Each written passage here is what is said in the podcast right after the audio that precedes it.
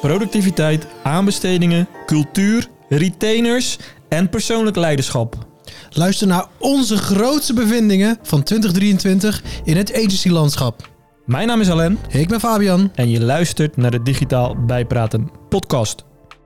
Zo, we zijn weer terug na lang weg geweest en vandaag de learnings uit 2023. Wat hebben we allemaal geleerd? Yes, yes, daar zijn we weer. Hoe is het om weer terug te zijn? ja, voelt goed, voelt vertrouwd. Ik heb er zin in. Ja, Laten we ervoor gaan. Inderdaad.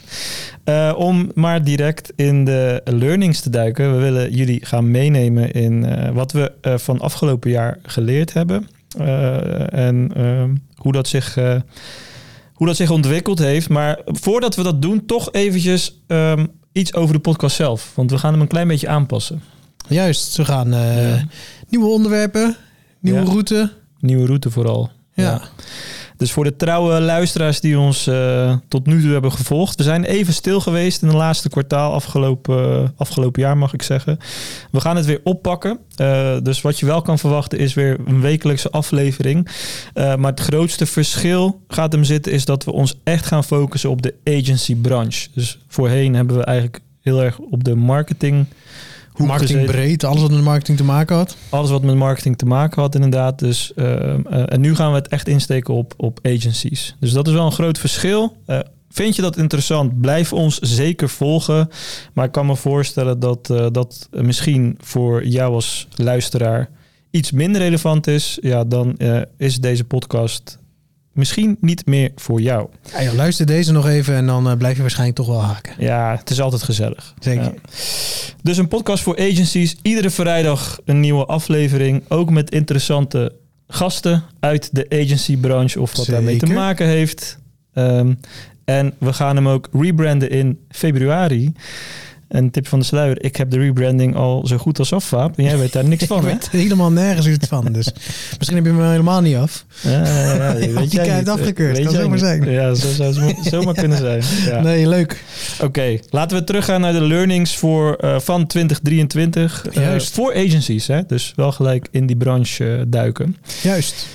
Wat hebben wij geleerd? Vaap, begin jij maar met het eerste punt. Ja, want dat was natuurlijk de grote vraag eh, van eh, noem even drie mooie lessen van afgelopen jaar eh, die betrekking hebben op, op jezelf binnen nou de, de, de bureauwereld. En voor mij is denk ik toch wel het grootste gedeelte zitten in de cijfers. Grip op je cijfers hebben. Dat is denk ik mijn allerbelangrijkste learning. En, en grip is natuurlijk een heel breed woord, maar ik denk daarbij ehm, vooral inzicht te krijgen in, in wat gebeurt er nou daadwerkelijk. Eh, ehm, wat zit daarachter en hoe kun je die zaken aan elkaar verbinden? En daardoor eh, van tevoren al weten waar je naartoe wilt, maar ook ehm, achteraf kunnen kijken van hey, waar, zijn je, waar zijn we afgeweken en hoe komt dat? Dat zijn gewoon hele belangrijke onderdelen. Nou dat komt mede doordat ik, eh, nou, gaan we al gelijk met de shout-outs beginnen, en, eh, een mooie masterclass, zoals dat zo heet, heb gevolgd bij Olivier Zeestraten, Master Je Cijfers. Ja, daarin is toch wel ja, een hoop ogen zijn voor mij geopend. Alhoewel, ik heb er maar twee, maar eh, ik zag een hoop meer op, op dat gebied. En ik denk dat dat wel een hele grote learning is geweest. Vooral ook omdat, ja, finance wordt altijd verbonden aan geld, wat logisch is. eh, eh, en daarmee ook aan, aan, aan, aan winst maken, zoveel mogelijk winst maken. Maar eigenlijk zegt zegt het veel meer over de gezondheid van je organisatie. Ehm, wat er allemaal in speelt. En gezegd, het geeft het ook goed aan, als je het goed inricht, dat je weet waar gaan dingen niet zo goed en kunnen we verbeteren. Want dat zorgt ervoor dat uiteindelijk iedereen beter wordt. Ja. En ik denk dat dat een hele belangrijke learning voor mij is geweest. Is dat, is dat een, eh, een stigma in agencyland? F- Finance? Geld, geld is wel een beetje vies. In, Geld, ja. ja. geld wordt wel gezien als een, als, als een ja, noodzakelijk kwaad. En een, eh, eh, je mag ook niet te veel geld verdienen, want dan, ja, dan ben je een graaier. Hm. Eh, en ik zal eerlijk zeggen, ik heb ook nog steeds wel. eh, ehm, ik zit ook wel een beetje in dat kamp, maar mijn ogen zijn wel geopend van: oh ja, dat doe je niet zomaar. Dat is niet om, om zelf heel veel, eh, als je eh, bureau-eigenaar bent, in je zak te steken.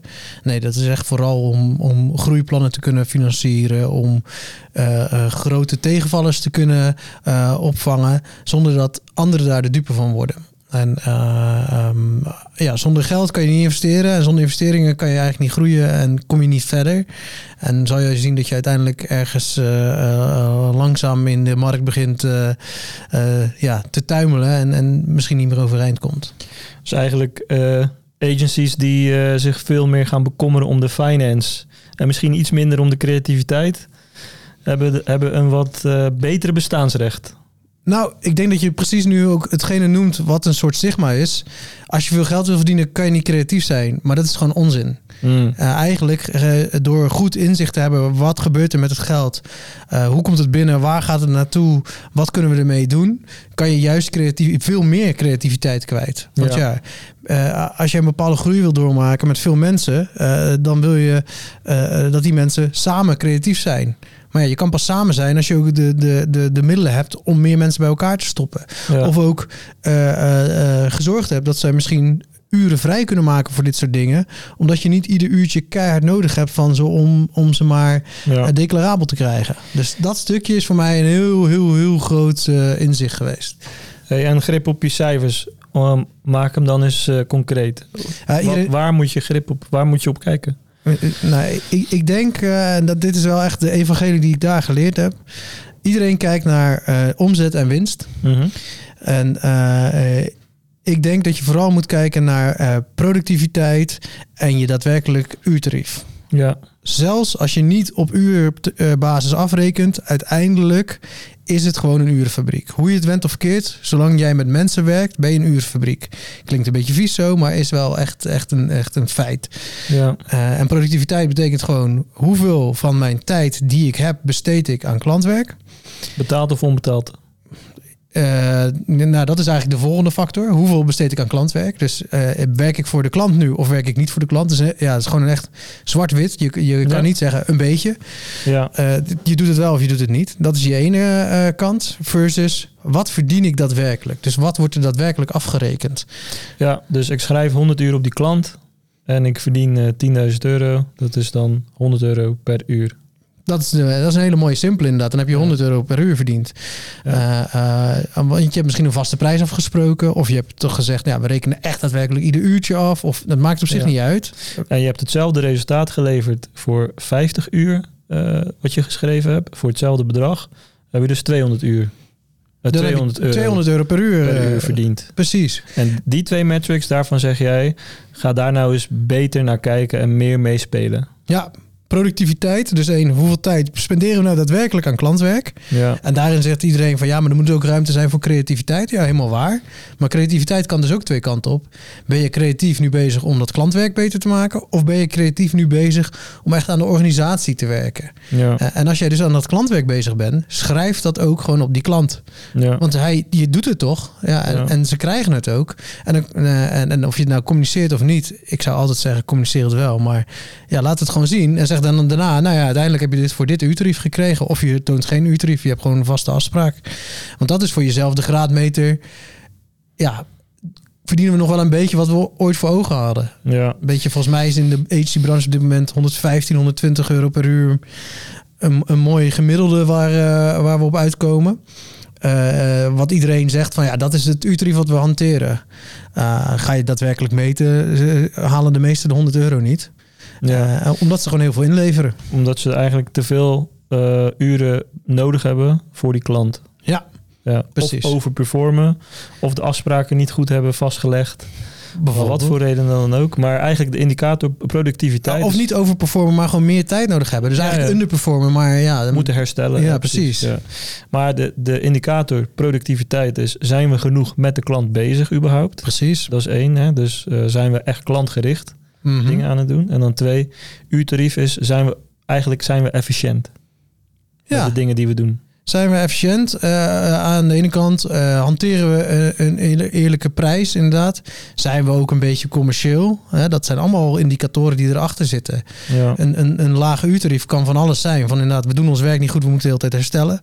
Ja. Uh, we zijn veel te lief voor de klant. We geven zoveel extra's die ze maar gewoon zomaar krijgen. Het zijn allemaal zaken die erachter liggen. En daar gaat het daadwerkelijk over. Want dan ben je bezig met, hey, wat zijn we nou aan het doen? Wat is de waarde daarvan? Wat vinden we leuk? Hoeveel tijd gebruiken we daarvoor?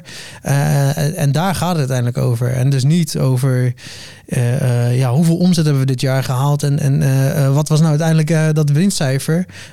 wat je meestal pas ergens achteraf gaat zien en zo. Ja, daar heb je, daar dat, moet je mee stoppen. dat is het gevolg eigenlijk van productiviteit en het uurtarief. Precies. En daar kun je denk ik dan beter op sturen dan op je winst, want dat is al gebeurd. Dat ja, winst is gewoon een gevolg daarvan. Ja. Maar als, uh, als je dus dat uurtarief en, en uh, de productiviteit doet en je denkt, oeh, ik uh, kom op een, een kleine winst uit. Ja. Of, een, of oeh, dit is, dit is niet heel, heel veel. Ja, dan moet je daar wel aan gaan sleutelen. Want je kan wel zeggen van ja, maar ik heb toch het ene heb ik ingestoken zoals ik wil. Ja, als jouw winst laag is, als je één tegenvaller hebt en je komt in de negatieve kant, ja, wat ga je dan doen? Meestal zijn ja, de gevolgen in land gewoon snijden in je team. Want ja, ja 70 tot 80 procent, nou, nou laten we zeggen 70 procent van je kosten zitten vaak in de mensen. Ja. Dus ja, als je ergens moet beginnen, is dat de plek waar je moet beginnen. Ja, ja dus het uh, helpt ook om uh, te kijken waar je lekken zitten en waar je wat aan kan doen. 100%. Dus, je komt ja. erachter waardoor je dus... Oh, we hebben een heel laag uurtarief, dat had ik niet door. En dan kan je gaan nadenken, oh, hoe komt dat dan? En dan kan je bijvoorbeeld op projectniveau bekijken... of op teamniveau, zelfs op individueel niveau bij mensen. Van waar zit dit nou? Hoe komt dit nou? En dat is geen judgment. Dat is gewoon een onderzoek waarin je kan zeggen... oh, hoe kunnen we dit dan weer de volgende keer beter maken... Uh, met de uh, uh, ja, binnen de cultuur die we hier hebben geschetst. Dat is natuurlijk denk ik wel gewoon heel belangrijk. Ik had daar nog één klein dingetje bij, die ik misschien wel uh, belangrijk vind. Um, cashflow. Cashflow. keihard, je, wat staat er op mijn bankrekening? Even heel zwart-wit gezegd. Ja. dat is totaal anders dan je, je, je resultatenrekening ja. of, of, of wat er allemaal gebeurt. Wat er op je bank staat, is, is een, een heel andere berekening, maar wel heel erg belangrijk. Ja. En als jij geen winst maakt, zal je zien dat je bankrekening langzaam gaat kelderen, zeg maar. -hmm. En die bankrekening heb je heel hard nodig om nou ja, op tijd je salaris te kunnen betalen, je leveranciers te kunnen betalen. Of te kunnen zeggen van, uh, nou jongens, we gaan eens inderdaad flink investeren in, nou ja, het kan bijvoorbeeld hardware zijn. Want de hardware ga je jarenlang afschrijven. Komt nog jarenlang in je resultatenrekening terecht. Maar het geld heb je al uitgegeven. Maar het geld moet wel op je bank staan voordat je het kan doen. En Ja. daarom is bijvoorbeeld het maken van winst heel belangrijk. Want anders kan je dit soort dingen per definitie nooit doen. Ja, Dus, en cashflow is een echt, echt ondergeschoven kindje in agencyland. Want iedereen denkt, oh ja, we hebben 14 dagen te betaaltermijn. Oh ja, ze betalen meestal binnen 43 dagen. Nou, dat is wel goed. Ja, vaak Ja, niet we zo. krijgen het geld toch wel. We krijgen het geld toch wel, ja. Ja, Maar je krijgt het dus veel later. En je komt er pas veel later achter als je het niet krijgt. ja, Want ja, als je na 43 dagen denkt, oh, nou, we gaan er eens achteraan. En dan kom je erachter, oh, ze zitten in zwaar weer. Ja, misschien had je dan al eerder je geld binnen kunnen halen. En dat is wel een les die ik dit jaar veel gezien heb. Mede binnen onze eigen agencies, binnen de Hurt.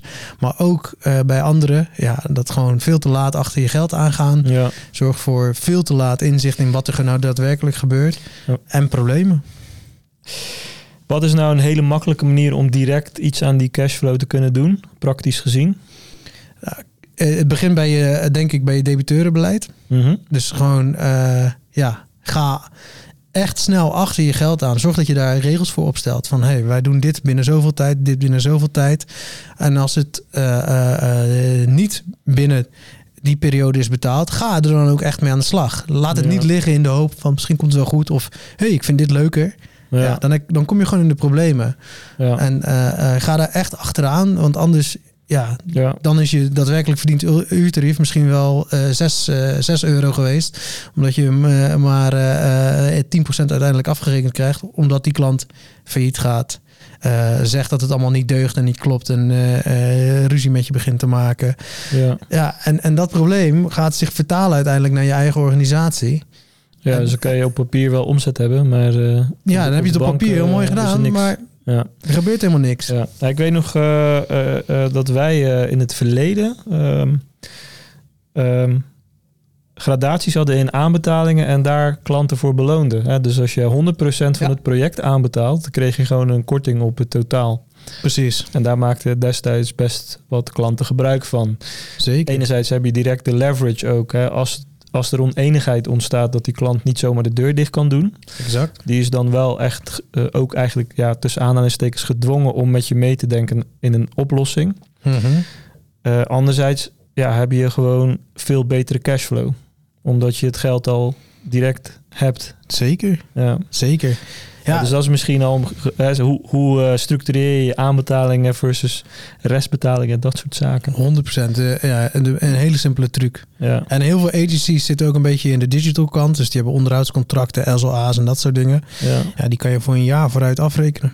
ja. Ja, dat is een dikke pot geld die dan in één keer... eh, Het, geeft, het geeft je net even wat meer ademruimte precies. voor je operatie, even zo gezegd. ja, super, super slim. Oké. Grip op je cijfers, productiviteit Versus Ja. uurtarief. versus uurtarief en cashflow. En hou die cashflow echt in de gaten. En eh, we kijken terug op afgelopen jaar. Daar zie ik het al een paar keer fout gaan. Ik denk Ja. dat het vaker voor gaat komen doordat de economie wat aan het afkoelen is. Eh, daardoor gaan meer mensen in betalingsproblemen komen.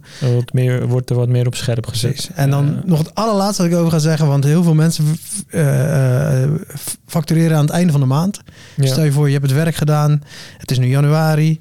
Januari 2024. Je doet het werk voor zo'n klant. Hè. Einde van de maand factureer je. Dus je hebt misschien al in de eerste twee weken van januari het werk geleverd. Dan factureer je. Geef je misschien 14 dagen. Nou, ze betalen uiteindelijk na 30. Dan heb je dus 45 dagen nadat je je werk hebt geleverd je geld. ja. Maar ja, dat, maar is, je hebt daarvoor nog 45 dagen over het werk gedaan. Dus eigenlijk 90 dagen nou, dat zou zomaar kunnen. Dat- later krijg je dan ja, dat, dat, bij dat- aanvang van het project, 90 dagen daarna. Ja, zou Eh, zomaar even kunnen. zo, even- Dan krijg je pas je eerste geld. Ja. Maar de mensen die aan dat project werken, ja, Die moeten eerder betaald worden. Nou, die willen graag eerder betaald worden. Dat Ja. is in ieder geval, eh, anders heb je, eh, nou ja, bij de meeste agencies gaat dat gelukkig wel goed. Maar die zeggen op, eh, nou, rond de 25ste is een beetje gemiddeld in Nederland. Van, hey, wil je alsjeblieft eh, overmaken? Terwijl jij dat geld nog niet eens gefactureerd hebt naar je klant. Dus daarom is het ook zo belangrijk om in de gaten te houden. Want je bent gewoon bank aan het spelen. ja, oké. Genoeg Helder. erover. Ehm, Ja, jij hebt er ook een aantal natuurlijk. Ik heb er ook een aantal, dus laten we het inderdaad om en om doen. Eh, ik heb opgeschreven ehm, relatie op één zetten. Dus Ja. als, je, eh, als je kijkt wat, eh, wat we vaak hebben in agencyland. Eh ja, de, de, dat is een driehoek eh, van Maartje, geloof ik. Daantje. Eh, sorry, Daantje. van Daantje, die, die heeft dat bij ons een keer gepresenteerd van de Account Academy. En die, die vond ik wel echt, echt heel, heel mooi. Is dat er eigenlijk drie pijlers zijn. Eén is relatie, twee is proces en drie is inhoud. En dat de meeste agency eigenlijk, agencies eigenlijk op inhoud focussen. Dus de kwaliteit van het eindproduct, even zo gezegd. Ja. Hoe goed werkt een website of hoe mooi is een eh, huisstijl en noem het maar op. Hoe, eh, hoe slick eh, is de video en nou ja, ga zo maar door. En dan heb je natuurlijk het proces van oké, hoe efficiënt richten we ons eigen werk in? En hoe duidelijk voor de klant. En hoe duidelijk is dat voor de klant? Maar dat er eigenlijk niet, ja, vaak is dat ondergeschoven kindje is een relatie. Is hoe goed is de band tussen ons en die klant? En Precies. hoe goed vertrouwt die klant ons? Want je kan beter, eh, even zo gezegd, een 7 op inhoud scoren. Zolang je maar een 9 op relatie scoort, dan wordt dat ook vaker vergeven of begrepen door die klant. Maar je zet best wel veel op scherp als je relatie slap is, maar je levert ja, best oké werk. Als dat oké werk eventjes een keer tegenvalt, ja, dan wordt het direct op scherp gezet op, aan alle kanten, zeg maar. Dus in, in alle vormen komt het denk ik terug dat je relatie prioriteit moet geven en dan pas de andere twee eh, onderdelen, proces en inhoud. Exact. Ja, En, en daarbij, volgens mij is ook wel een, een, eye-opener. Want voor mij geldt deze ook wel een beetje. eh, dat de relatie eh, niet is één persoon binnen de organisatie met de klant. Nee, iedereen die met die klant werkt, moet daar Ja. besef van hebben. Ja, en een praktisch voorbeeld is dat je als projectmanager alleen maar iets eh, laat weten als er eh, daadwerkelijk iets gebeurd is. Maar dat kan soms zes weken duren. En dan heeft de klant dus zes weken lang geen contact met jou gehad. Ja, dan werk je niet aan de relatie. Dan ben je echt bezig met het proces en de inhoud. En dat is ook goed, moet gewoon gebeuren. Maar je mist daarmee de kans om een vertrouwensband met iemand op te bouwen. Ja, ja zeker. Nee, 100%. En, maar ook dingen als eh, eh, je bent een editor of het maakt eigenlijk niet uit, een designer en je hebt een foutje gemaakt of iets du- duurt langer of je wil nog iets extra's weten van die klant. ga mailen met heel inhoudelijke directe vragen. Nee, pak nou even die telefoon. Hè, geef even aan wat er aan de hand is. Schets de situatie op de achtergrond. Van, Ja. ja, ik heb even wat meer informatie nodig, want ik weet dat we lang hebben gezeten. Maar ik mis toch nog dit stukje. En ik vind het wel heel belangrijk dat erin komt. Dat geeft zo'n klant veel beter eh, idee dan... ik heb nog drie vragen, hier heb je ze op de mail. Dan denk je, ja, we hadden toch eh, eh, lang gezeten. Nu moet ik weer allerlei dingen uittypen voor jou. Ja, dat soort kleine dingetjes, dat zit in relatie. Dat zit zeker in relatie. En eh, ja, dat is misschien wel herkenbaar, zeker aan de, aan de men, eh, eh, bij de mensen aan de kant van PM of account management. Wanneer de druk hoog oploopt bij de klant, dan gebeuren, daar dingen. Dus iemand kan heel erg gestrest zijn en dat soort van weerspiegelen op jou. Waardoor je eigenlijk een botte mail van zo'n klant krijgt. Maar dat kan je allemaal ondervangen. Die klant gaat jou geen botte mail sturen als die jou, zeg maar, face-to-face een aantal keer gesproken heeft. Dan is, dan is dat een veel hogere drempel voor die klant om dat te doen. Maar als die alleen jouw naam in een e-mailhandtekening heeft gezien, dan is het veel makkelijker voor die klant om ook alles over de schutting te gooien. Want ja, hij, heeft helemaal, hij of zij heeft helemaal geen gevoel bij wie jij bent. Precies. Ja, en, en daar zie ik het echt eh, vaak. Ja, misgaan is een groot woord. Het gaat niet per se mis, maar het, het- Nou, gaat het wel Ja. mis uiteindelijk. eh, als agency maak je het jezelf best moeilijk. Ja. onnodig. En dan ontstaat er een soort van eh, ja, relatie op spanning, even zo gezegd. En dan gaat het alleen nog maar om de transactie van ik betaal jou toch voor dit, in plaats van dat het gaat over de samenwerking. Dus ik denk als agencies zich iets meer op de relatie focussen, in plaats van alleen maar de inhoud en, en proces, is denk ik wel een, eh, een mooie win voor aankomend jaar. Zeker. Volgend punt? Eh, ik ben er klaar voor. Nou, noem het hem eens. Ja, ik had opgeschreven eh, aanbestedingen. Of Ja. eh, hoe het tegenwoordig heel mooi in het Engels heet, tenders. Ja, die had ik opgeschreven omdat het een, een ding is wat met name in de agencywereld voor de wat kleinere agencies wordt het vaak gezien als moeilijk, onmogelijk, niet leuk. Maar er liggen wel heel veel kansen. Eh, ja, iedere overheidsinstantie of semi-overheidsinstantie die dus bijvoorbeeld eh, heel veel overheidsgeld krijgen om zichzelf eh, nou ja, werkend te houden, die moeten aanbesteden. Ook in onze markt. Dus ook als ze een nieuw merk gaan opbouwen, als zij heel veel content gaan produceren, als zij een, een groot nieuw platform willen lanceren, daar moeten ze allemaal voor aanbesteden. En dat zijn knetterveel organisaties. En eh, ze hebben geen andere keus dan dat. Dus als jij met hen wil samenwerken, dan moet je meedoen aan een aanbesteding. Ja. En heel veel eh agencies, waaronder wij zelf, hè, de Hurt eh, was uh, daarvoor ook nog nooit in een aanbesteding geweest. En je hoort het al, was dit jaar dus voor, over, eh, voor het eerst, dus 2023 voor het eerst. Ja, heb ik wel gezien hoeveel mogelijkheden daar liggen om wel hele leuke relaties te scoren. Ja. Wel een grote maar. ik zei al, het is niet leuk. Nou, ik vind het nog steeds niet leuk. Nee. Want het is heel onpersoonlijk. Eh, je moet een soort werkstuk inleveren over wie je bent, eh, hoe je het wil aanpakken en of je wel aan bepaalde voorwaarden voldoet.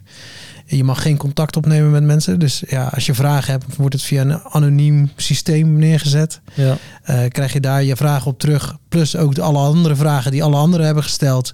Krijg je ook de antwoorden van, van te zien. Ehm, dus ja, het, het wordt een soort groter iets. Het is niet eens... Ja, pitchen is al een, een, een ding wat heel erg in, eh, eh, speelt in onze branche. Maar dit nog wel, wel meer. Dit is nog ingewikkelder. Is een soort op, op papier pitchen. Hm. Zonder dat je weet wie er aan de andere kant zit. Dus je kan wel stoer op relatie willen spelen. Gaat niet gebeuren. relatie is de, is de enige die in deze qua driehoek gewoon niet bestaat. Je kan Ja. hoogstens een kleine intro doen over ja, jezelf eh, en hoe je kijkt naar een relatie. Maar dat is eigenlijk meer proces. Ja. Als je daarnaar kijkt. Dus je moet heel erg op proces en inhoud eh, goed inzetten. Maar weet dat maar weinig partijen dit doen. En weinig partijen dit interessant vinden. Maar er nog genoeg aanbestedingen zijn die tussen de...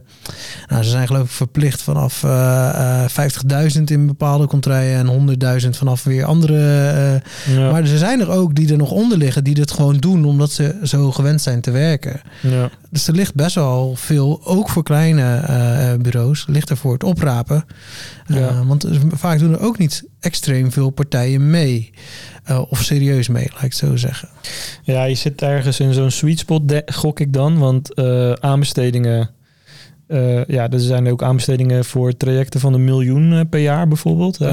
veel hoger nog en zelfs. nog hoger. Ehm, ja, ik denk dat de, de, echt de grote reuzen in onze branche heel erg mikken op, de, op die grotere tenders.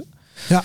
Waardoor je eigenlijk als klein bureau ook best wat kans maakt op ja, tenders tot pak een beet twee of drie ton of zo. Als, als bovengrens. Precies, dat is ook een beetje mijn gevoel. Eh, ik ben het beetje eh, voor het eerst wezen ontdekken en, en aan het navigeren door die wereld nu. Ja, Uh, um, mm, en je hebt ze echt in allerlei hoeken. Uh, nou ja, van, van, van echt de, de, de marketing uh, uh, en de branding tot en met de arbeidsmarkt, communicatie. Of nou ja, allerlei hoeken zitten er raakvlakken met de, uh, de agency-wereld. En daarbinnen heb je dan weer allemaal ja, subgroepen die dat allemaal aan het neerzetten zijn. Dus uh, ja, je kan zomaar een organisatie hebben, een overheidsinstantie, die wel vier of vijf uh, uh, aanbestedingen per jaar uitzet. En dat maar inderdaad een grote denkt, uh, wij gaan alleen voor die twee. Want die andere gaan we even geen tijd aan besteden. Ja, die ligt wel gewoon in de markt. Dus ja. je denkt dat zij klant zijn bij partij X en dat je nooit binnen gaat komen. Maar ze moeten alles toch aanbesteden. Dus je kan sowieso binnenkomen. Ja, en, maar je moet en, wel goed doen. Zeg maar, de grote jongens à la Dept, die gaan veel meer energie stoppen in de grote tenders. Exact. En pakken die kleintjes misschien mee, maar voor hun is dat geen serious business. Nee, precies. Uh, en daar maak je denk ik net het verschil misschien. Ja, zeker. En misschien ja. zit er wel aan de andere kant. Kijk, tenders worden zogenaamd volledig eerlijk beoordeeld. En vul je een standaard proces. Maar er zitten ook gewoon mensen achter. En als een, een iemand in zijn gedachten heeft van... Uh, uh, ja, uh, ik wil niet met zo'n grote partij, het liefst niet met zo'n grote partij werken. Ja, dat zien ze in het voorstelrondje natuurlijk wel gewoon. En, en bedoel ik het papieren voorstelrondje.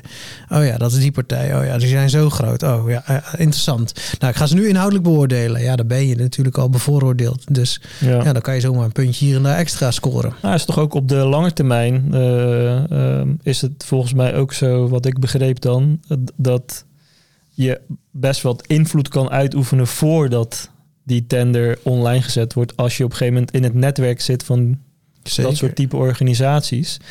Eh, ondanks dat er geen namen misschien direct bij staan, dat je toch wel een beetje uh, ja, ertussen zit, even zo gezegd. Ja, zeker. Je kan ook uitgenodigd worden om mee te doen met een tender ja. bijvoorbeeld. Dus dat zie je ook wel eens van, hey, wil je, wij hebben dit uitgezet, wil je wil je inschrijven bij ons? We denken dat jij als partij in aanmerking komt. Ja, ja natuurlijk heb je dan uh, een streepje voor. Of als je al jarenlang samenwerkt en ze moeten opnieuw een aanbesteding gaan uitschrijven. Ja, dan gaan ze dat waarschijnlijk doen op basis van de relatie die jij met ze hebt. Of gaan ze misschien zelfs uh, uh, uh, zonder de, dat jij het door hebt, vragen stellen over hoe kunnen we dit verder in de toekomst doen.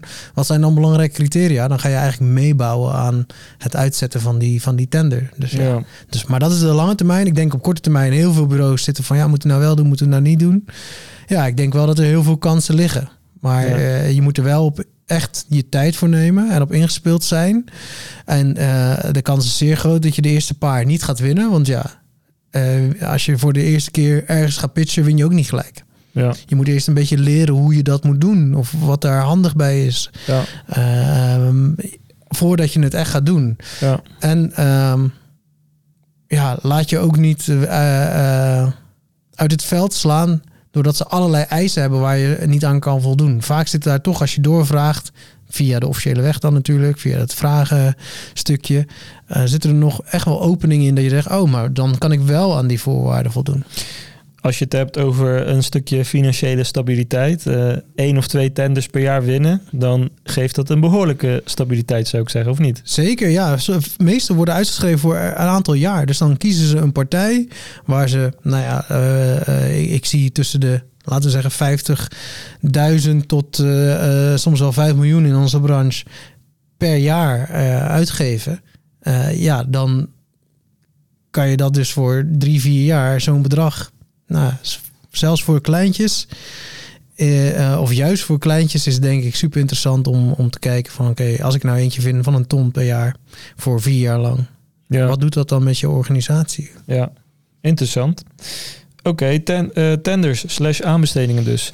Ja. En ga je hier nou mee aan de slag? Um, wat is een, wat is een voor jou, uh, van jou een praktische tip voor agencies om hier wel mee aan de slag te gaan? Want het is echt een, Ja, geen eh, fijn onderwerp voor de meeste agencies om zich in te verdiepen, denk ik. Nee, nee die willen heel graag op eh, willen hun eigen creativiteit ergens in los. Dus die zeggen, oh, ik maak zelf wel een voorstel. Nee, hier krijg je gewoon, je hebt drie pagina's om dit te vertellen en je moet letterlijk dit prijzenblad invullen. En je mag daar niks aan veranderen. Zodra je iets aan verandert, dan zeg je, ja nee, we werken zo. Zeggen ze afgekeurd, oké, doei. Ja. Dus je moet letterlijk invullen wat zij willen dat je daar invult. Voelt tegen, gaat helemaal tegen al je creativiteit in. Dus Nee, dat precies. is even, daar moet je op voorbereiden. Maar wat kan je daaraan doen? Je kan twee kanten op in mijn ogen. Je haalt er iemand bij die hier eh, eh, verstand van heeft, goed in is. Je kan ondersteunen. Of eh, je gaat jezelf er echt in verdiepen. En jezelf toe dwingen om, om dit te leren. Ja. En dat laatste zou ik afraden voor hele creatieve, hooggele mensen. Om even in, de in de te blijven. Dat, dat lukt je gewoon niet. Haal er dan iemand bij.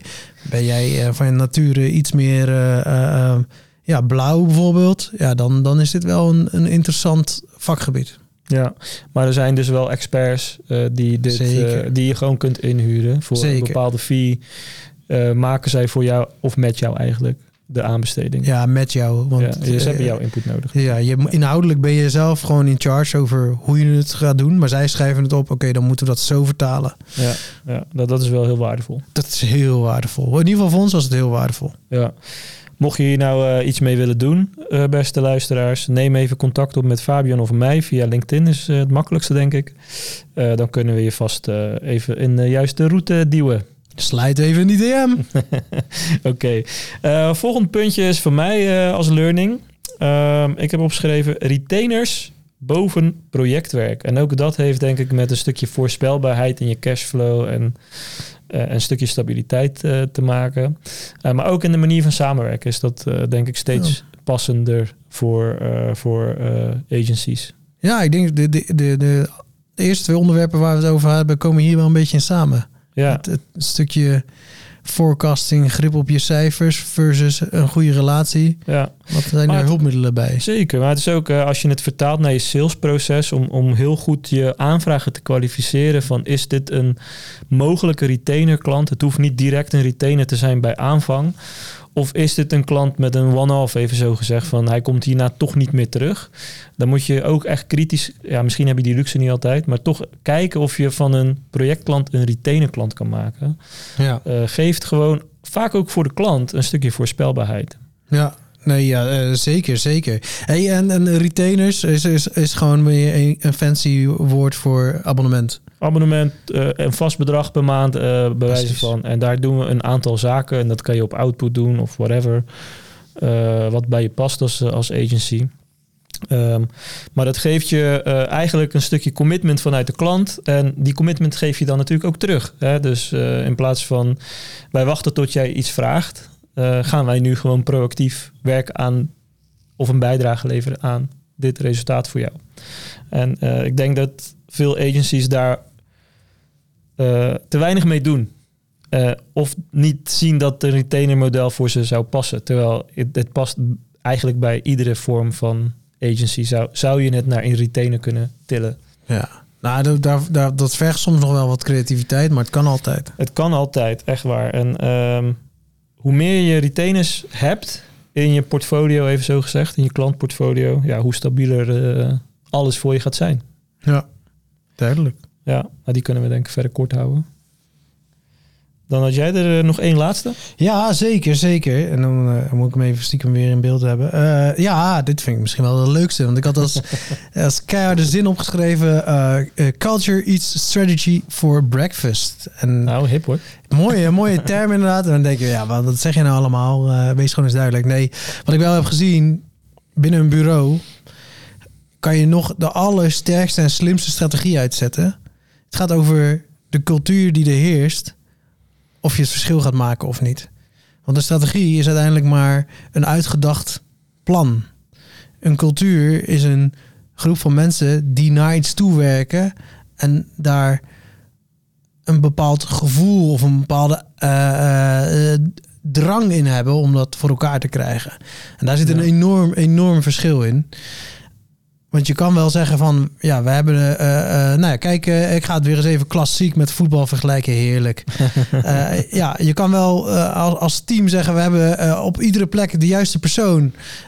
dus we hebben een, een, een, perfect elftal samengesteld. En we hebben ook nog eens een hele slimme tactiek binnen de, de, de, de skills die we hebben. Maar ja, als de mensen op het veld elkaar niet kunnen luchten of zien, of totaal andere beleving bij andere situaties hebben ja, dan wordt dat geen team. Dan gaan ze niet winnen. Nee. En je moet een sterke cultuur binnen die ploeg neerzetten, waarin ze allemaal over heel veel dingen hetzelfde denken in ieder geval. Of bij elkaar in de buurt komen of naar hetzelfde toestreven. Ja, zo werkt het ook binnen AC Life. En dat is wel uh, iets wat ik altijd al gevoeld heb, maar uh, dit jaar, 2023, uh, moet zeggen afgelopen jaar, 2023, dus wel heel erg duidelijk naar voren is gekomen. En wij zijn er ook enorm uh, uh, bij geholpen van hoe, hoe zet je dat nou neer? Door ja, het goed te omschrijven. Waar, staan wij voor? Wie zijn wij nou eigenlijk? Wat willen we, wat willen we wel bereiken? Maar uh, um, en dan niet eens in welke route daar naartoe, maar veel meer welke randvoorwaarden hebben we daarbij. Um, ja, dat dat zoveel waardevoller is dan die, die perfecte strategie te hebben. Ja, nou, strategie is wat je zegt, denk ik inderdaad een route of een plan. Precies. Uh, maar die moet nog wel bewandeld worden. En het gaat, uh, het gaat hem denk ik zitten in bepaalde rituelen. De dingen die je terugkerend keer op keer met elkaar als groep doet. Ja. Die ja. definiëren uh, hoe die invulling gemaakt wordt. Zeker. Want een plan... Er gaat altijd iets fout in een plan. Want je hebt iets voor ogen en dan gebeurt er ergens iets waardoor het fout gaat. Waardoor je moet gaan herstellen. En cultuur zorgt ervoor dat er genoeg mensen zijn die daar de schouders onder willen zetten. Of die dat opvangen. Dat je dat met elkaar kan fixen. Ja. En dat is het verschil. Dus op dat moment ga je iets regelen waardoor je wel weer verder komt. En, en eigenlijk dat stapje dat je even opzij moet doen omdat het niet lukt binnen dit plan. Dat dat gemaakt kan worden in plaats van dat het gewoon helemaal instort. Omdat niemand uh, zich, ja, niemand verantwoordelijkheid gaat tonen. Uh, niemand ook uh, een gevoel van mededogen van, oh ja, shit, het is bij jou fout gegaan. Ik ga je nu even helpen gaat tonen. Want iedereen denkt gewoon, nee, ik ben ja. niet voor mezelf. En niet voor het algehele, ja, de algehele groep, om het zo maar te zeggen. Dus ik, ja, ik heb dat meer dan ooit gezien afgelopen jaar. En ik denk dat je daar als agency keihard aan moet werken. Um, en heel duidelijk moet definiëren. En wat die cultuur is. Wat die cultuur is. En die cultuur, er is niet één succescultuur. Is niet één formule die zegt zo'n cultuur is altijd de winnende cultuur. Nee, zeker niet. Uh, uh, er zijn heel veel manieren om dat te kunnen doen. En misschien een voorbeeldje. Je kan zeggen, ja, wij streven voor het allerbeste. Al het werk wat er hier naar buiten komt, ja, dat gaat award-winning zijn. Ja, daar zet je een bepaalde cultuur mee neer. Dat is best wel een cultuur waar bijvoorbeeld ook weer wat druk achter komt. Van ja, als je hier wil werken, moet je wel echt de allerbeste zijn. Moet je daar knetterveel voor over hebben. Maar ook zal je waarschijnlijk je de... heel veel moeten betalen als agency. Omdat, uh, ja, om je iemand binnen te halen. Ja. ja. om dan weer iemand binnen te halen. Ja, het gaat om een stukje mentaliteit. Dus de, Precies. de no compromise uh, mentaliteit benoemen we nu als voorbeeld. Ja, dat is een, een cultuur die je, die, die je kan neerzetten. Je kan ook juist neerzetten. Nee, uh, wij doen alles als team. Dus uh, um, hè, we, we, nemen iedereen mee in het, in, het, in het proces. Iedereen mag meedenken. Iedereen uh, uh, ja. is, heeft een eigen stukje ownership en bouwt mee aan het geheel. Ja, dat is ook een, een type cultuur bouwen. Ja. ja. dat kan ook iets zijn. En beide kunnen zorgen voor succes. Er is niet gegarandeerd eentje. Maar het allerbelangrijkste is dat je er eentje kiest. En dat de mensen die daar omheen zitten, of die binnen jouw organisatie zitten, passen binnen die cultuur. Ja, op basis als je dat goed neerzet, hè, de, uh, in de zin van dat je het ook goed omschrijft en weet waar je op gaat letten, dan kun je ook je bedrijfssystemen omheen bouwen. Dus Juist. je beloningsstructuur, hè, uh, de, de competenties van medewerkers. Uh, Aannamebeleid. Aannamebeleid. hoe zeg je dat? de klantbeleid. Ja. in, in welke klant nemen we nooit aan vanwege reden X, Y of Z. Precies. dus de, dus als je dat goed neerzet, kun je het ook daadwerkelijk tastbaar maken. Want cultuur kan soms een beetje een uh, zweverig, uh, ja, 100%. Zwe zweverig ding zijn. Dat is het natuurlijk helemaal niet als je het maar concreet maakt. Ja. En, en dan nog steeds blijft het altijd een stukje ongrijpbaar. Hè? Dan moeten we ja. niet, we moeten, je kan niet, want dan wordt het weer een strategie. Je kan het niet ja. helemaal uitschrijven. Nee. En dan zeggen van, uh, voortaan moet jij je zo gedragen. Zo werkt het niet. Nee, je Nou, zegt je kan meer van... bepaalde gedrag stimuleren. En eh, zien als iemand zich zo niet gedraagt, maakt iemand niet een verkeerd persoon, maar misschien niet helemaal passend binnen jouw eh, team. Exact, exact. Ja, oké. Culture, eats, strategy for breakfast. Zal ik daar nog de ABCD eh dingen? dat, is, dat maakt het misschien wel even concreet. Ja, dat is goed. Ja, nee, we hebben met, met eh, Sam natuurlijk eh, samengewerkt. Sam van de Steen, hup, weer een shout-out. Dat is al de derde in één, één podcast. Alle learnings, jongen. Ja. Iedereen heeft Kijk onze aan, aan. gegeven. Maar die heeft het altijd over de A, B, C, D spelers binnen je organisatie. Ja, waarbij de ene as is, past heel goed binnen de cultuur versus past helemaal niet binnen de cultuur. En de andere as is, eh, eh, heeft volledig de juiste skills versus heeft totaal niet de juiste skills. ja. Nou, in vakje D zitten mensen eh, totaal geen skills, totaal geen cultuurmatch. Ik hoop niet dat je ze hebt. Nou ja, er moeten overal red flags gaan. Die mensen mogen nooit binnenkomen en mogen er ook in ieder geval ook nooit niet blijven. Dan kom je vaak al in een interessante hoek. De C-spelers, hele goede skills, maar passen eigenlijk niet binnen de cultuur. Nou, dat zijn eh, mensen waarvan je denkt, oeh ja, als die weggaat, dan kunnen we dit niet meer of dat niet meer. En hij is zo goed in dit of zij kan dit zo altijd perfect neerzetten richting de klant ja. maar voelt niet helemaal lekker binnen de organisatie. eh, kiest voor zichzelf of, of laat heel erg gedrag tegenover gedrag zien tegenover staat van de cultuur of wat andere mensen juist aan het vertonen zijn. ja die, die gaan privileges pakken op basis van de uitzonderlijke kwaliteiten die ze hebben. Precies. Ja. Ja, dat zie je vaak gebeuren. En inderdaad. dat is wel giftig. en dat kan heel snel heel giftig worden. Ja. Dat Dan- zijn C-spelers. Dat zijn de C'tjes. Ja. Dan hebben we de B's. Dat zijn de mensen die de skills nog niet helemaal hebben, maar wel heel goed passen. Weet je wel? Die, die, die meegaan in iets die, die, die, waar, waar iedereen voelt van ja, die past wel lekker binnen de groep. Oh, dat is wel, eh, nou, die. Daarvoor moet je gaan zorgen. Is er een goed systeem om te zorgen dat de juiste skills daar binnenkomen? Mhm. Want dan worden ze A-spelers. En die Ja. A-spelers, daar heb je het liefst zoveel mogelijk van. Dat is een, een bedrijf wat gewoon heel lekker loopt. Dat is mensen die precies binnen een cultuur passen en de juiste skills hebben. Ja. ja. Vasthouden. Oké, goed. Dan hebben we de laatste. Die is van mij. En ik heb opgeschreven: eh, persoonlijk leiderschap eh, is de groei van je agency. Oeh. En zeker bij, eh, we focussen ons nu natuurlijk wat meer in de categorie kleine agencies, waar je als eh, individuele leider, even zo gezegd, ehm, ja, wat sneller zichtbaar bent ook. In, of het in ieder geval sneller zichtbaar is in wat je doet. En wat ik wel gezien heb, niet alleen bij mezelf, maar ook bij onze eh, ondernemende collega's, even zo gezegd. Ehm, is dat de, eh, hoe jouw agency zich ontwikkelt, maar ook hoe de energie is op de werkvloer, is wel een weerspiegeling van jou als leider. Dus als je als leider bijvoorbeeld heel rommelig bent of geen overzicht meer hebt in bepaalde zaken, dan zul je dat heel snel gaan uitstralen richting je team. En dan ben je dus een hele rommelige agency, zeg maar. Dus ehm, ja, wij hebben beide eigenlijk best wel veel eh, aan onszelf gewerkt, mag ik wel zeggen, afgelopen jaar. Ja. Op dit vlak. Ehm, en dat heeft voor mij persoonlijk wel geresulteerd in veel meer rust. Als ik kijk naar de eerste helft van vorig jaar en naar de tweede helft van voor, eh, afgelopen jaar. eh, zag je wel dat we steeds meer structuur zelf kregen, waardoor het ook veel overzichtelijker voor de rest werd. Ja, En dat hoeft, je hoeft het niet eens altijd eens met elkaar te zijn, maar het stuk, eh, het is gewoon wat straal je uit.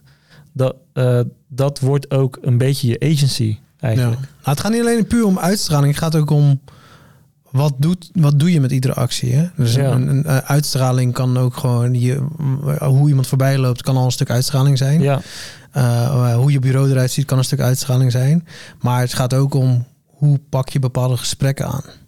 ja. Ehm, hoe luister je naar iemand? Je, wat is een goede luisteraar? Dat is best wel eh, ingewikkeld iets. Nou, daar zit gewoon theorie achter. En dan Ja, kan je voel- kan je, voel- eigen maken. voelen mensen zich veilig om dingen te, te, te roepen. Hè? Precies. Krijg als- je de onderste steen boven? En als, als jij eh, zo gehaast bent omdat je duizend en één dingen op je to-do-lijstje hebt staan, dan straal jij eigenlijk uit dat je er geen tijd of prioriteit aan geeft aan een individu. En dat soort dingen sijpelen heel snel door. Ja. Eh, eh, ook als je zelf bijvoorbeeld doordat je maar zegt tegen jezelf: Ik heb het zo druk, ik sluit even 20 minuten later aan bij die meeting. Dat soort subtiele dingen, ja, die tellen wel bij elkaar op. En Zeker. je geeft eigenlijk aan wat je, wat voor gedrag je ook bij anderen toelaat. Ja. Nee, 100%. En ik denk dat persoonlijk leiderschap, leiderschap is een beetje ook zo'n uh, paraplu-term natuurlijk. Ja. Maar dat gaat echt meer om wie, wat voor karakter ben je zelf en werk je aan je eigen karakter. Ehm, ik denk dat veel agency-ondernemers daar goed aan zouden doen om daarin te investeren. Precies. Want als je als agency-leider een paar procent beter wordt, dan zal, zal iedereen die nou ja, met jou in de organisatie zit, waarschijnlijk ook een paar procent beter worden. Ja, en als dat dus tien mensen zijn, die allemaal 3% beter worden. Nou ja, ik hoef je de rekensom niet uit te leggen, maar uh, dat zijn behoorlijk wat procentjes die, uh, die, die bijdragen aan het geheel. En je hebt daar echt heel veel invloed op, zonder dat je het door hebt. Ja. ja. Maar het is wel, het moet ook eerlijk zijn, het is uh, best pittig en confronterend, want je gaat werken aan ja, niet iets als een taal leren waarin je gewoon moet rammen en stampen en een beetje gevoel voor moet hebben. nee, dit is het moeilijkste wat er is, is om je eigen gedrag te erkennen en vervolgens te veranderen. Precies. Want daar, daar zit persoonlijk leiderschap in, in gedrag eigenlijk. Zonder dat je jezelf verliest, hè? want dat is ook nog wel heel belangrijk. Je moet wel jezelf blijven. Ja, precies. maar je moet veel bewuster zijn in wat jouw gedrag bij een ander doet, zeg precies. maar. Precies kleine gedragsaanpassingen die grote gevolgen kunnen hebben. Daar ging het eigenlijk over. Daar ging het over. En dat was wel echt een uh, mooie learning voor mij. Shoutout gaat naar... Peter Wijnands. Ja hoor, we hebben de volgende. Nee, Peter van uh, Q-Impact. We gooien zijn bedrijfsnaam er ook nog even bij. Uh, ja, heeft ja. ons echt enorm geholpen. En ja... Nou ja, jij begon erover, maar voor mij geldt dit eigenlijk ook heel erg. heeft gezorgd dat ik weer drie stappen verder ben richting anderen maar ook richting mezelf. Ik accepteer mezelf ook meer door die training dan uh, dat ik daarvoor deed. En ik heb veel beter weer rationeel in kaart gekregen wat mij emotioneel drijft. En dat geeft ook rust. Jezelf beter leren kennen is eigenlijk een hele, ja. hele heel groot gedeelte van leiderschapontwikkeling. Precies. Ja. En daardoor ook weten wanneer je waarschijnlijk in je valkuilen gaat stappen. En wanneer je, nee, hey, nu is er een kans om echt mijn kracht te tonen. Wanneer je dat gaat herkennen en daardoor op de juiste manier kan inzetten. En daardoor iedereen ook verder helpt. Hè? Want je helpt, ook, je helpt ook echt mensen verder door een betere luisteraar te zijn. Op het juiste moment te zeggen, ik geef je even de ruimte om het zelf op te pakken. Ja. Uh, um, kleine dingetjes als mensen inspireren op heel veel momenten. Ja, dat zijn die kan je daarmee leren. En, het zijn finesses. Ja, het zijn, het zijn kleine dingen en je kan het ja. leren. Dat, daar ben ik ook wel achter. Ja, goed. Hey, uh, we zijn een uh, rubriek ver ja, vergeten. Wil ik, we zijn hem niet vergeten. We nee, we gaan het nu doen, toch? Nieuwe rubriek gewoon. Nieuwe rubriek. Ehm, en dat is de ontdekking van de week. Ontdekking van ontdekking de week. Van de week. ontdekking van de week. Ontdekking van de week is direct een knipoog naar de nieuwe positionering van onze podcast, Fabian. Oh. Dus dat is gelijk uh, een knipoogje naar uh, februari. maar daarover later meer. de ontdekking van de week. Eigenlijk wat we willen doen is iedere week zullen Fabian en ik één ontdekking doen voor agencies. Dat kan een website zijn, een tool, een boek, wat dan ook. die wij het bijzonder genoeg vinden om het te benoemen en die op een bepaalde manier verder kan helpen. Dus uh, wat is jouw ontdekking van deze week, Fabian? Mijn ontdekking van deze week. Ik gebruik hem maar stiekem al een paar weken, maar het is de eerste ontdekking van de week. Ja, dat mag wel. Dus gooi ik hem erin. Nee, ik ben helemaal uh, fan geworden van uh, fireflies.ai. Dus fireflies.ai. En dat is een toeltje. En dat toeltje dat neemt gesprekken op.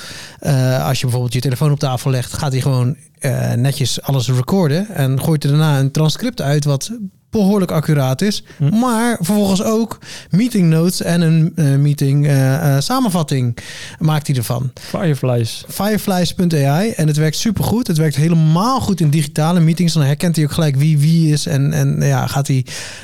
je ziet ook dat hij bijvoorbeeld informatie toevoegt. Dus wij kunnen bijvoorbeeld, nou, we hebben het net over cashflow gehad. Bijvoorbeeld dat hij dan zegt, cashflow betekent dit. Weet oh, je wel, dat zet hij dan in je meeting samenvatting bijvoorbeeld in één keer erbij. Omdat hij gewoon weet, oh, dit zijn ingewikkelde termen die misschien niet iedereen altijd, of die mensen nog even terug willen zoeken. Dat voegt hij bijvoorbeeld ook toe. Maar de kern zit echt in die mooie samenvatting na een gesprek.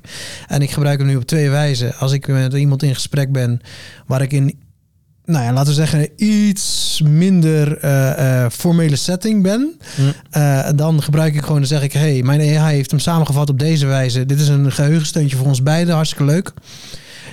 Is het een iets belangrijkere meeting, dan gebruik ik die samenvatting weer om mijn eigen samenvatting sneller uit te werken en, en door te sturen naar, naar mensen. Het scheelt ongelooflijk veel tijd. En het is ook nog eens gelijk mijn notebook echt geworden. Want ik open gewoon de app en dan kan ik gewoon naar die ene meeting toe. En dan kan ik daar zo de samenvatting zien. Maar kan ik zelf zien van oké, je hebt hier dit in de samenvatting geschreven. Ja. Kan je me even naar het stukje audio brengen waar dit op gebaseerd is? En dan in één keer zegt hij nou, dit is er toen gezegd. Dus voor de meetings waarin je nou ja, er wel eens niet eens even uit de lucht wil hebben van... ik heb dat wel gezegd, nee, ik heb dat niet gezegd. Dan zeg je nou, hier een recording. Jij zei dit, ik zei dat. Einde verhaal. Helemaal geweldig. Fireflies.ai. Ja, Nou, een mooie assistent. ja zeker. Ja, ik heb ook een AI-tool. Wat origineel zijn Dat is wij. wel lekker origineel. Ja, maar wel Maar- we zijn nu aan het toepassen. In plaats van alleen maar over te lullen, zijn we het aan het toepassen. Ja, precies. En ehm, eh, ik heb er nog niet heel erg veel toegepast, maar het, het ziet er echt heel ve- veelbelovend uit. Dit is voornamelijk eh, voor mensen die wat actiever zijn op bijvoorbeeld LinkedIn en eh, iets te weinig verschillende foto's van zichzelf hebben. Ah, oh, tool, dat is wel een hele, hele tof tool. Ja, de tool heet eh, secta.ai. Dat is ook de website. En, en dat is SE, CTA. secta.ai. Ja, check de show notes ook ervoor.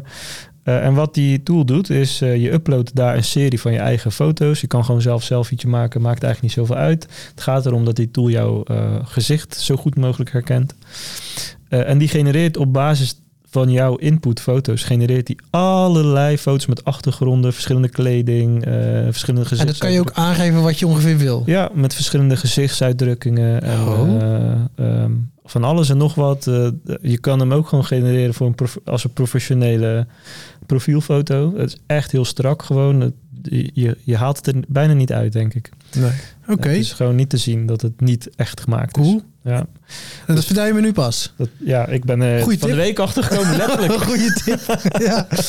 Nou goed, Dus, ik, ik eh, ga ook eens eh, ontdekken. ja. Leuk. Dus dat is eh, mijn eh, vangst van de week. Eh, we zijn eh, dan ook aan het einde gekomen van eh, deze aflevering. Ehm, ja, ik zou zeggen bedankt voor het eh, luisteren, beste luisteraar. Vind je dit nou een toffe podcast? Vergeet je niet te subscriben op eh, je favoriete app. Waarschijnlijk Spotify.